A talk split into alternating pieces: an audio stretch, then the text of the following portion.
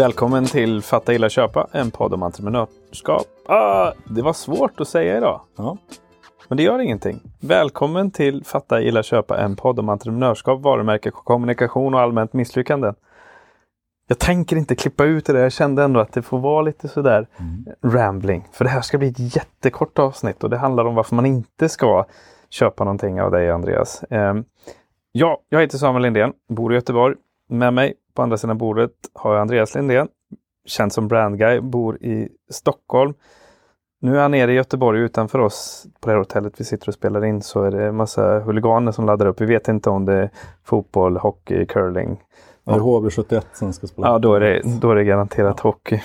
Eh, Så långt har vi ju lärt oss. Vi råkar ju vara från Karlstad också båda två så att för oss finns ju bara Färjestad. Det blev ett rambling avsnitt redan liksom. Men vi känner att vi har ju hållit på ett tag nu. Vi har spelat in några avsnitt. Vi är lite varma i kläderna och, och har ni hittat hit och väljer att trycka play nu? Nej men eller hur? Lite grann så. Vi säger det i vår introduktion att anledningen till att vi startat den här podden det är för att eh, bespara våra kära fruar eh, allt det här köttet som vi håller på med hemma. Så kan vi liksom leka av oss här i det här forumet och så kanske någon lyssnar. Nu kommer vi till kärn, pudelns kärna i det här avsnittet. För några veckor sedan så gjorde du ett inlägg på LinkedIn där du skrev att man inte ska anlita dig som grafisk formgivare för att designa sin första logotyp.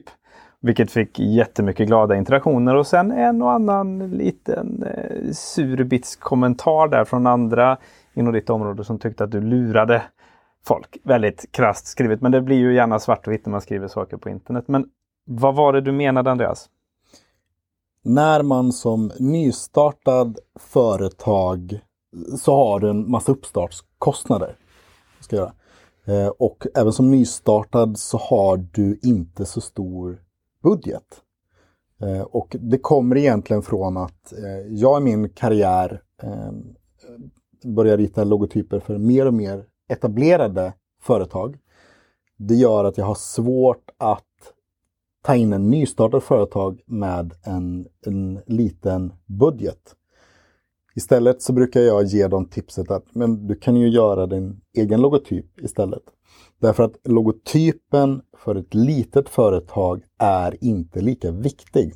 Och det jag menar med det är att ofta så den person, som, den entreprenör som startar företag kommer att sälja på sitt redan befintliga nätverk och på sitt personliga varumärke och på att de lyfter lur och kränger. Och då spelar inte logotypen så stor roll därför att man brukar säga att logotypen är företagets ansikte. Men om du är ganska liten eller du kanske till och med ensam, då är ju du ditt eget ansikte. Och då ska jag vara tydlig med, att det är alltid bättre att ha en logotyp. Men har du inte råd med en logotyp i början, då har du, har du, har du bara tusen spänn och får välja mellan att köpa en, en logotyp av mig eller köpa en hemsida, då ska du välja en hemsida. För det är bättre att folk kan hitta dig online än att ha en snygg logotyp och inte går att hitta. För det kommer du att sälja mer på. Eller fem luncher med utvalda kunder. För jag tror inte någon säljer en hemsida för en tusenlapp heller. Nej, kanske, kanske fem, om du får fem luncher för tusen kronor. Men figurativt, ja, och det kanske är det du ska lägga pengarna på. Inte på en logotyp, utan de där luncherna med utvalda potentiella kunder. Det kommer att ge dig bättre effekt. Sen när du har fått de här fem första kunderna, du har landat dem, du anställer din första kollega som ska hjälpa dig att sälja. Helt plötsligt så är ni en liten organisation där det är flera människor som ska förmedla samma budskap från samma företag och ha en konsekvent look i sitt e-mail, sin hemsida, sin LinkedIn-profil etc. för att uppfattas som seriösa. Då är det viktigt med en logotyp. För då ska flera göra det här och ni måste vara konsekventa. Precis. Och då finns ju också sannolikt en budget att, att ta nästa steg. För då har du byggt in och, och du behöver liksom hantera den komplexiteten som organisationen är i den här, liksom, de bitarna. Och då är, pratar vi inte bara logotyp utan då är det ju varumärkespositionering, hela det arbetet som man sannolikt behöver göra där och då. då. Men eh, om vi ska släppa några bra tips då till dig som mot förmodan kom in så här långt i avsnittet och ändå bibehåller förtroendet. Vad gör man då? Om jag sitter hemma på kammaren och jag ska starta mitt bolag. Några tumregler. Då går du in på fonts.google.com det är eh, Googles eh, hemsida där de hostar gratisfonter som du kan använda. Alltså typsnitt. Typsnitt, helt rätt. Typsnitt. Eh, bokstäver, bokstäver, hur de ser ut. Bokstäver. Så att du väljer ett typsnitt som du tycker är fint. Och där kan du välja beroende på personlig känsla. Kanske vill du kännas lite mer modern. Då väljer du en modern. Kanske vill du kännas lite mer organisk.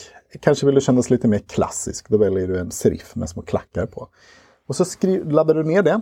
Och så öppnar du eh, vilken, vad som helst. Kan du Photoshop, då öppnar du Photoshop. Annars öppnar du Word. Och så gör du det inte svårare än så. Du använder det här typsnittet och så skriver du ditt företagsnamn.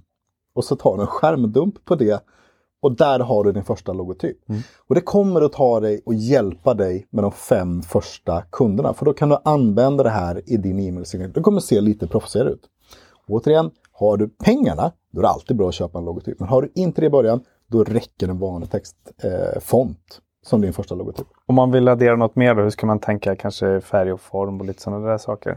Eh, då kan man gå in på eh, då kan man gå in på andra företag som man tycker är fin. Gå in på andra hemsidor, titta på varumärken som du gillar till exempel. Se till att ni inte är i samma industri. Är du inom IT, ja men då kanske du ska gå och titta på musik eller något annat. Titta på något företag som du verkligen gillar, långt borta som ingen annan kommer hitta. Och sen så tar du de två färgerna och så lånar du in dem. Och det här händer liksom hela tiden i vår industri. Vi tittar ju och inspireras av olika saker. Och någonting, allt är ju alltid en remake utav någonting. Så att blanda från olika håll och, och, och var inte så, nu eh, uppmanar jag inte folk till att stjäla identiteter. Men eh, inspireras och titta, jag som formgivare gör det hela tiden. Jag tittar ju på andra saker och blandar och mixar gärna utanför industrin för att skapa det. Och det tredje är att du använder antingen samma typsnitt på allting du producerar. På webbsidan, på dina utskick etc. Använd samma typsnitt som du har i, i din logotyp. Eller så kan du byta typsnitt där om du har använt väldigt eh, sirligt typsnitt för din logotyp som kanske blir svårläst i lång text. Välj ett typsnitt som är enkelt att läsa och så använder du det typsnittet för allt du kommer säga. Då har du en liten enkel grafisk identitet. Du har en textlogotyp. Du har en, två färger som du använder konsekvent överallt. Och du har ett typsnitt. Det är grunden för ditt visuella identitet som en liten företagare. Och dina potentiella kunder kommer uppfatta det här som genomtänkt och det räcker så otroligt långt. Verkligen. Bra Andreas! Snyggt förklarat. Lite babbligt, men det är vi som bestämmer, för ja. det är vi som producerar, det är vi som bekostar och det är ju fördelen med att starta sin egen podd. Tack till dig som har lyssnat. Eh, vill du höra mer om hur vi jobbar med de här frågorna rent professionellt och du har den där tusenlappen över eh, och du har bjudit tillräckligt många på lunch, då först då får du besöka relativt.se. Där kommer vi också framöver ha en jäkla massa schyssta tips som vi delar med oss av till dig och till dina kompisar.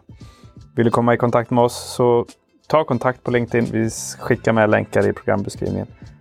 Tack och på återhörande.